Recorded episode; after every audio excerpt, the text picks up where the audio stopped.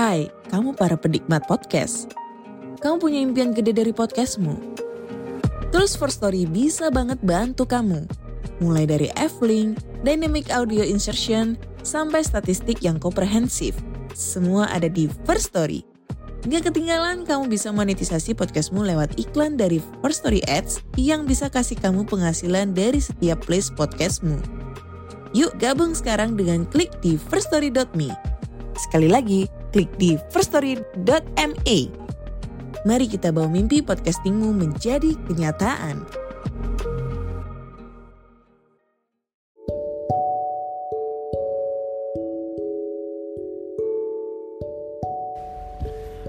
Halo semuanya, kembali lagi bersama saya Ardin Syah Mahendra, your book readers. Kali ini saya mau pindah buku, mau ganti buku lah gitu ya. Jadi sebelumnya saya membacakan buku Sejarah Dunia yang Disembunyikan karya Jonathan Black yang semakin membosankan bagi saya. bagi saya ya. Uh, jadi mungkin nanti akan saya lanjutkan lagi. Tapi sebelum itu saya mau membaca buku karya Daud Antonius, seorang psikolog. Dia punya laman Facebook psikologi psikologi.id. Ya, ada di Instagram juga, ada di Twitter. Uh, judul bukunya The Book of Serial Killers, Criminal Mind. Wow. Jadi ini adalah buku yang berisi tentang profil psikologis para pembunuh berantai. Oke, kemarin saya pesen bukunya melalui apa ya, Shopee apa Tokopedia gitu. Linknya ada di Facebooknya. The Book of Serial Killers, Criminal Mind profil psikologis para pembunuh berantai. Penulisnya Daud Antonius dan bla bla bla bla. Uh, daftar isi. Jadi ada dia dia sebelumnya membahas dulu tentang pembunuhan dan kriminalitas. Yang pertama ada manusia yang membunuh manusia, kategori pembunuhan dan motif pembunuh berantai, sisi gelap dari kehidupan manusia. Jadi ada tiga sub bab dalam pembunuhan dan kriminalitas.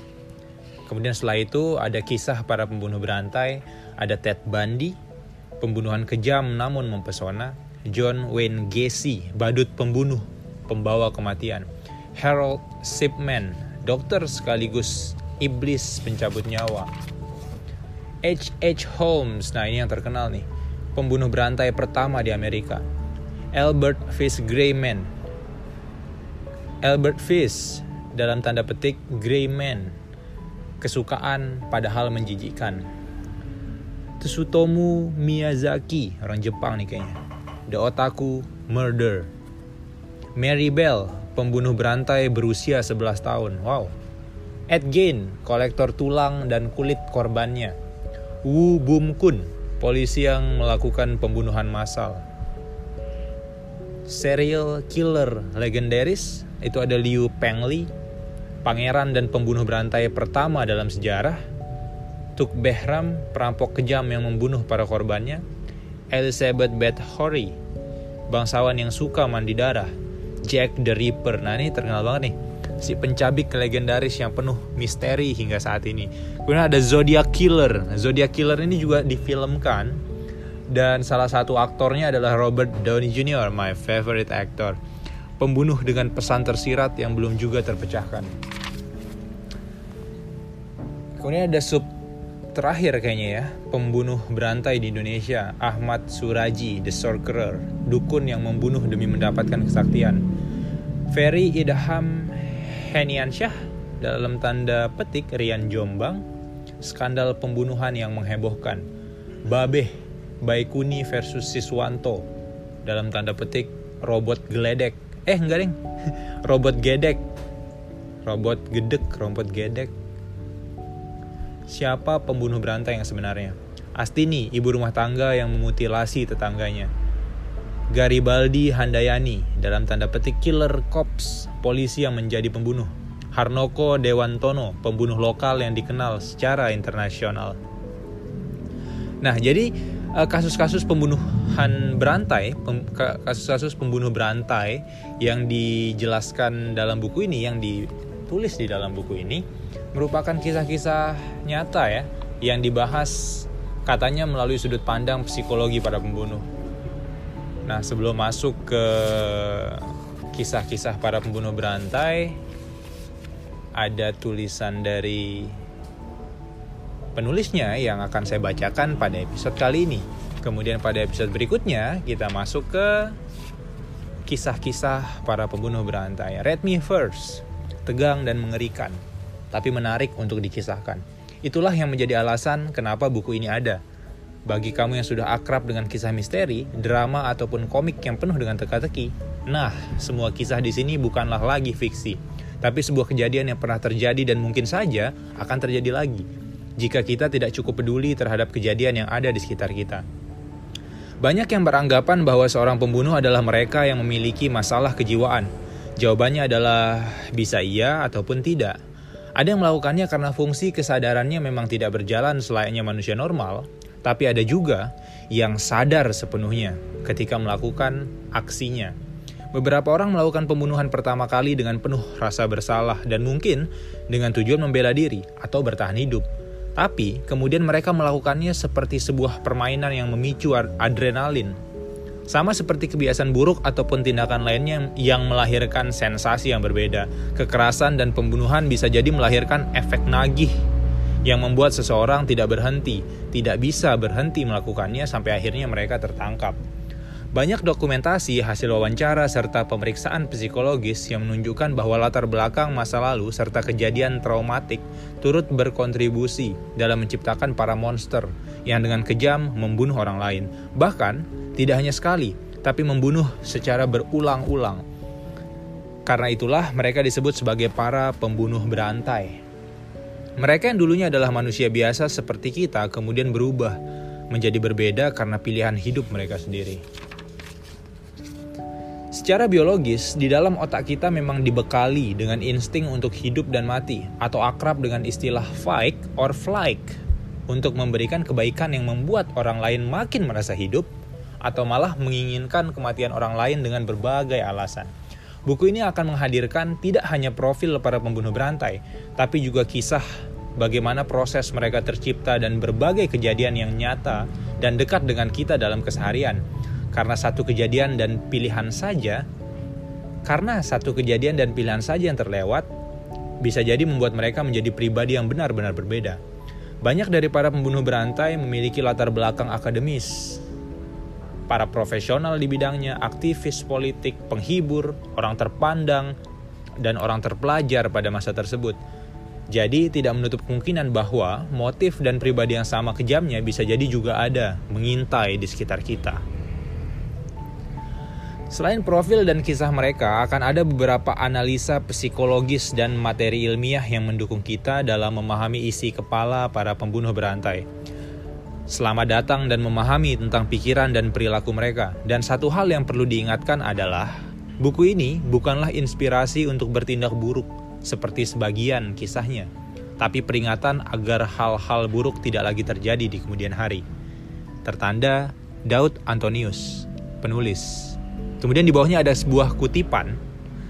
Murder is not about lust and it's not about violence. It's about possession. Kutipan dari Ted Bundy. I have no idea who he is. Manusia yang membunuh manusia. Sebuah kutipan dari Sun Kwang. Human human nature is evil and godness is caused by intentional activity. Kita sebagai manusia memiliki insting untuk bertahan hidup dan tanpa disadari inilah juga yang membentuk naluri pembunuh ada dalam diri kita. Aktivitas saling bunuh pada manusia merupakan sebuah perjalanan genetik yang merupakan bagian dari evolusi manusia. Sebab jika digali lebih jauh, ternyata insting manusia untuk bertahan hidup dengan cara bersaing sudah ada sejak kita dalam kandungan. Kita memang terlahir sebagai pejuang tangguh. Hal ini juga turut dijelaskan dalam proses biologis, di mana ketika proses kehamilan terjadi, sel sperma yang tangguh harus bersaing dengan jutaan sel lainnya untuk mencapai sel telur sampai akhirnya terjadilah proses kehamilan. Atau dengan kata lain, sebelum menjadi manusia, kita telah membunuh sel lain dalam persaingan menuju kehidupan. Wow. Seorang profesor psikologi David M. Buss dalam salah satu jurnalnya, The Murderer Next Door, Why the Mind is Designed to Kill, menyampaikan sebuah penelitian yang cukup mengejutkan bahwa sebanyak 90% pria dan 80% wanita memiliki keinginan terdalam untuk membunuh makhluk hidup lain, baik itu manusia, hewan maupun tumbuhan. Tokoh lain bernama Dave Grossman yang merupakan mantan tentara dan peneliti mengenai psikologi dan pembunuhan juga menyampaikan bahwa manusia jika diibaratkan sebagai primata modern. Secara alami melakukan tindakan yang ekstrim untuk mempertahankan wilayah kekuasaannya. Bahkan tidak jarang, tindakan kekerasan hingga pembunuhan dilakukan untuk sebuah posisi superior. Ada pula penelitian lainnya mengenai anak kembar yang memperlihatkan bahwa sejak masih ada dalam kondisi janin, anak kembar bisa sari, anak kembar bisa saling menendang dan mendorong saudaranya untuk mendapatkan ruang yang lebih besar dalam perut ibunya.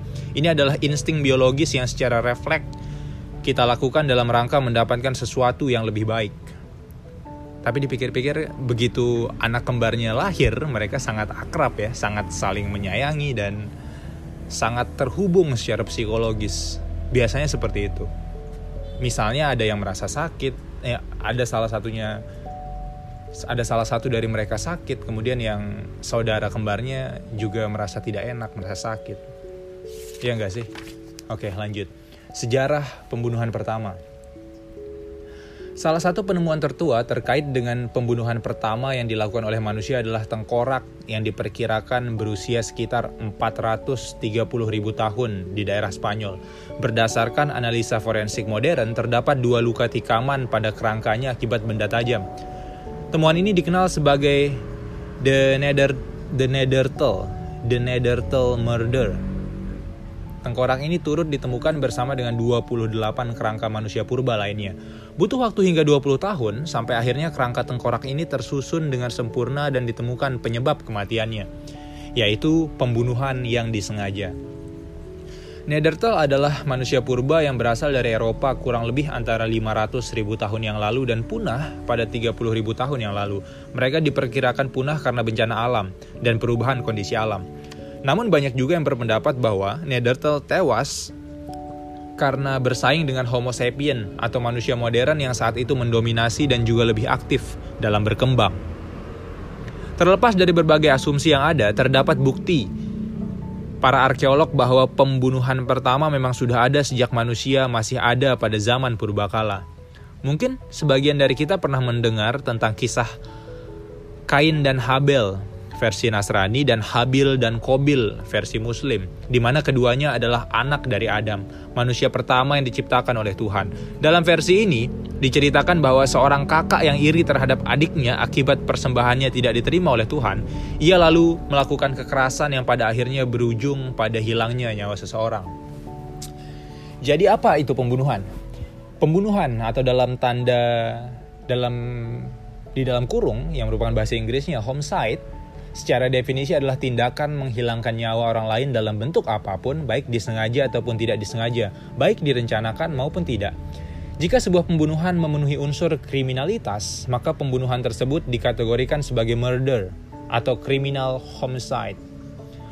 Dalam pendekatan hukum dan forensik, setidaknya ada empat bentuk pembunuhan yang dikategorikan menjadi satu pembunuhan tingkat pertama dalam tanda kurung pembunuhan berencana, Aksi pembunuhan yang biasanya disengaja dan juga direncanakan dengan matang sebelumnya. Contoh, seorang memiliki dendam, kemudian merencanakan waktu dan lokasi pembunuhan serta berusaha membuat alibi untuk menghindari penangkapan.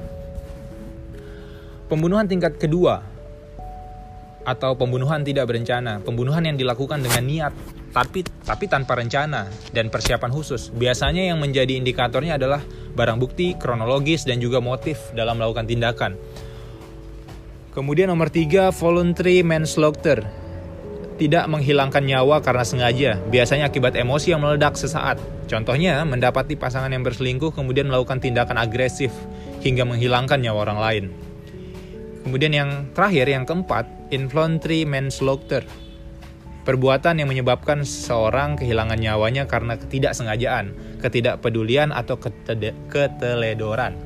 Contohnya, menggunakan handphone yang menyebabkan kecelakaan dan terdapat korban jiwa.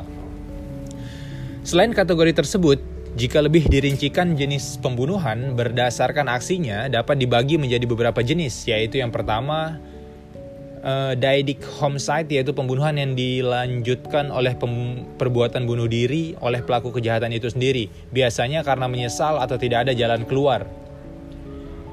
Euthanasia, yaitu mengakhiri nyawa seseorang yang dilakukan tanpa rasa sakit dengan tujuan menghilangkan penderitaannya, biasanya dilakukan dalam medis lynching, yaitu pembunuhan yang umumnya dilakukan karena kebencian atas dasar rasial seperti perbedaan warna kulit di Amerika atau konflik karena agama. Dory death, yaitu pembunuhan atau dorongan untuk bunuh diri akibat perlakuan kasar dan penyiksaan yang dilakukan oleh keluarga, bisa suami atau istri dalam rumah tangga. Loose murder, loose murder, yaitu penyiksaan hingga berujung pembunuhan yang dilakukan seseorang untuk mendapatkan rangsangan seksual. Aktivitas yang dilakukan bisa dengan mencekik korban, memutilasi, dan hal lainnya. Kemudian stunning atau rajam, yaitu pembunuhan atau lebih dikenal dengan hukuman mati yang dilakukan dengan cara melempari seseorang dengan batu. Di beberapa budaya juga melakukannya dengan mengubur terlebih dahulu setengah badannya ke tanah. Kemudian muti murder, yaitu pembunuhan yang terjadi karena syarat dalam ritual dan tradisi tertentu yang mengharuskan adanya pengorbanan manusia. Kemudian kita naik level sekarang. Apa itu pembunuhan berantai? Apa itu pembunuh berantai? Murder is like potato chip. You cannot stop with just one, kata Stephen King. Jadi, membunuh itu seperti kentang chip kentang, kentang kentang goreng, kamu nggak bisa berhenti hanya dengan satu kentang goreng. Ya, yeah, just like that. Meskipun kasus pembunuhan berantai sudah ada sejak dari masa silam, namun istilah ini baru muncul sekitar tahun 1930. Emang nggak ada halak yang naik motor tuh. Ernest Ginet adalah seorang kepala polisi Jerman yang menciptakan dan menggunakan istilah ini untuk pertama kalinya ketika ia sedang menyelidiki kasus pembunuhan dan dengan pelaku bernama Peter Carton yang terbukti menewaskan 9 orang dan mencoba membunuh sekitar 30 orang lainnya. Pelaku juga dicurigai melakukan pembakaran di berbagai lokasi, pemerkosaan, dan berusaha untuk meminum darah para korbannya. Wow, oleh karena itulah ia dijuluki sebagai Vampire of Düsseldorf karena kejadian itu terjadi di kota Düsseldorf, Jerman, Februari dan November 1929. Pada tahun 1974, istilah ini kemudian kembali dipopulerkan oleh Robert Ressler, seorang agen FBI, dan didefinisikan sebagai seorang yang melakukan pem beberapa pembunuhan dalam kurun waktu yang berbeda. Menurut Ronald Holmes, seorang kriminolog dan juga penulis buku, pembunuh berantai memiliki beberapa tipe yang bisa dikategorikan sebagai berikut. Pertama, visionary. Visionaris, seorang pembunuh berantai yang biasanya menderita gangguan psikologis. Mereka membunuh karena mendengar bisikan-bisikan atau adanya sosok lain yang menyuruh mereka untuk membunuh. Biasanya sosok tersebut bisa dianggap sebagai dalam tanda petik Tuhan atau malah iblis. Mission oriented Pembunuhan berantai yang secara spesifik menargetkan ciri tertentu yang mereka anggap tidak pantas untuk hidup. Contoh targetnya pelacur, homoseksual, pengguna narkoba, dan lainnya. Hedonistik yang ketiga, pembunuh yang melakukan tindakannya karena memang menyukai dan menikmati aksinya. Ia mendapatkan sensasi dan kesenangan. Kategorinya ini biasanya dibagi dalam motif seksual atau hawa nafsu, uang atau keuntungan, dan juga untuk menebar teror. Dan yang keempat atau yang terakhir, power oriented, seorang yang melakukan pembunuhan untuk bisa mengendalikan korbannya. Perilakunya bisa saja menjadi kekerasan seksual, namun motifnya bukan karena nafsu semata, tapi karena ingin mengendalikan para korbannya. Kemudian yang berikutnya sisi gelap manusia. Everyone is a moon and has a dark side which he never shows to anybody. Mark Twain. Jadi setiap orang itu kayak bulan dan punya sisi gelap yang dia nggak pernah tunjukin ke orang lain, ke siapa pun gitu. Jadi bulan, bulan itu memang bundar like a ball, kayak bola. Tapi sisi yang menatap ke bumi itu ya satu sisi itu aja. Dia tidak berotasi. Uh, bukan, dia tidak berevolusi. Jadi dia tidak berputar di tempat kayak gasing misalnya. Bumi kan berputar, kemudian mengelilingi matahari. Tapi bulan dia mengelilingi bumi tapi tidak berputar. Sehingga ada satu sisi bulan yang disebut dark side karena tidak pernah terlihat dari bumi. Oke. Sebelum lebih dalam membahas tentang para pembunuh berantai, mungkin sebagian dari kita masih memiliki pertanyaan terkait moralitas dan hati nurani seperti apa benar seorang manusia bisa melakukan tindakan keji di, di, di luar nalar mereka? Atau bisakah manusia normal secara sadar melakukan sesuatu, suatu hal yang keji seperti pembunuhan, mutilasi, atau kanibalisme? Untuk menjawab pertanyaan tersebut, izinkan saya kembali membagikan beberapa kisah nyata yang mungkin bisa mengingatkan kita tentang sisi gelap dari manusia yang sering kali tersembunyi dan muncul di saat terdesak. Satu hal yang pasti, kisah ini kembali diceritakan bukan sebagai bentuk penghakiman terhadap apa yang orang lain lakukan, tapi peringatan bahwa kita sebagai manusia normal sering kali mampu bertindak melampaui apa yang dapat terbayangkan sekalipun. Satu, penerbangan Andes 571. Pada musim dingin tahun 1972, pesawat Uruguay Air Force dengan nomor penerbangan 571 mengalami kecelakaan karena kondisi cuaca dan harus melakukan pendaratan darurat di pegunungan Peru, tepatnya di Gunung Andes. Pesawat tersebut membawa membawa 45 orang yang merupakan anggota tim rugby universitas bersama dengan kru dan pembimbingnya. Mereka dengan terpaksa harus mendarat di ketinggian 13.500 meter di salah satu puncak tertinggi pegunungan bersalju. Pada pendaratan darurat tersebut, hanya 29 orang yang berhasil selamat. Kondisi pun diperparah dengan cuaca dingin ekstrim. Persediaan makanan yang terbatas serta pakaian yang mereka gunakan saat itu tidak menunjang suhu yang ada. Beberapa penumpang yang selamat pun akhirnya meninggal karena cedera dan badai salju. Hanya 16 orang yang mampu bertahan. 16 orang. Dalam kondisi yang sangat mencekam antara hidup dan mati itulah mereka akhirnya tiba pada pilihan yaitu mengatasi rasa, lapar dengan cara memakan para penumpang yang sudah meninggal sebagai pemenuhan energi untuk bertahan hidup. Pilihan yang sulit akhirnya mereka putuskan secara bersama-sama. Mereka menyayat daging rekan mereka sendiri, kemudian mengkonsumsinya dan menjadikannya perbekalan untuk bertahan hidup selama 72 hari dalam perjalanan menuruni gunung dan mencari bantuan. Pada akhirnya warga lokal berhasil menemukan mereka dalam keadaan dehidrasi, kedinginan, dan juga mengalami banyak luka. Walaupun pada awalnya sempat dinyatakan hilang dan tidak ada yang selamat, mereka berhasil bertahan dan melakukan kanibalisme. Lalu bagaimana tanggapan masyarakat dan juga keluarga para korban lainnya yang dagingnya mereka konsumsi? Mereka menerima dan memaklumi apa yang mereka lakukan. Bahkan dikatakan bahwa para orang tua korban yang mayat anaknya dimakan pun tetap memaafkan para penyintas ini. Kisah mereka pun telah dijadikan buku dan beberapa kali diadaptasi menjadi film. Nomor 2. Kapal Pemburu Paus Essex Jika kamu pernah membaca sebuah buku klasik uh, yang berjudul Moby Dick 1851 atau menonton film In the Heart of the Sea yang salah satu aktornya adalah Chris Hemsworth yang menjadi Thor di Marvel Cinematic Universe dan uh, Mark Ruffalo yang menjadi Hulk, Dr. Banner, oke, okay? uh, yang rilis pada tahun 2015, In the Heart of the Sea, judul filmnya. Dua kisah ini sebenarnya terinspirasi dari kisah nyata tentang perburuan paus pada pertengahan abad ke-19. Pada masa itu, para paus diburu untuk diambil minyaknya, lalu kemudian dijadikan bahan bakar. Essex adalah sebuah kapal pemburu paus yang pada akhirnya tenggelam karena ditabrak oleh seekor paus besar. Dalam tragedi itu, sekitar 25 orang selamat. Kejadian tersebut ada di 3.700 km tengah laut di sebelah pantai barat Amerika Selatan. Setelah satu bulan terombang ambing di laut, persediaan makanan mereka pun habis sehingga kelaparan. Akhirnya mereka berhasil merapat ke daratan terdekat yaitu Pulau Henderson. Pada awalnya di pulau tersebut mereka memakan segala makhluk hidup seperti ikan, burung, dan tumbuhan. Namun ternyata setelah satu minggu persediaan makanan dan air habis, mereka bahkan mengkonsumsi air sendinya sendiri. Pada akhirnya mereka diperhadapkan pada pilihan untuk memakan mayat rekan mereka yang sebelumnya tewas.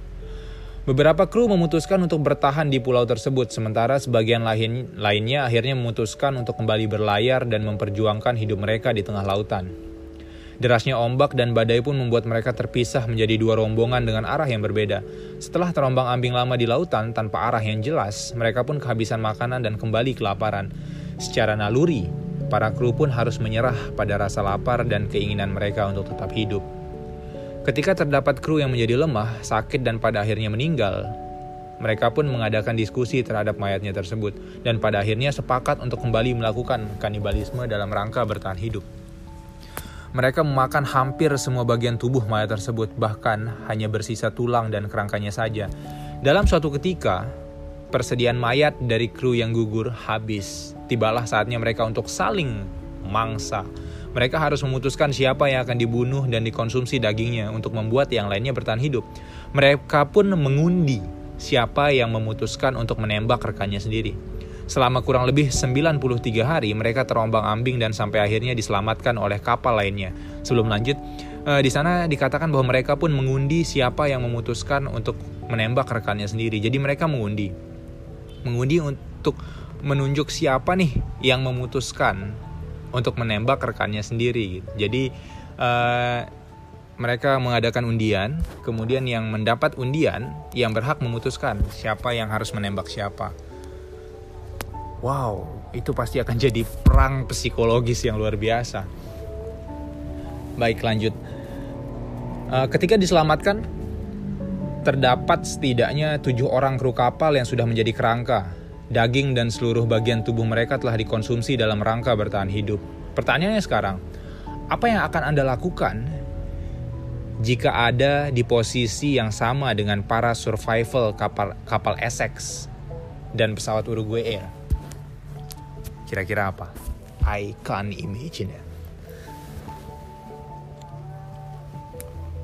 Jika merujuk pada teori kebutuhan dari Abraham Maslow, seorang tokoh psikologi, maka, kebutuhan yang paling mendasar adalah kebutuhan biologis, yang di dalamnya terdapat kebutuhan untuk makan, tidur, aktivitas seksual, dan keinginan untuk bertahan hidup.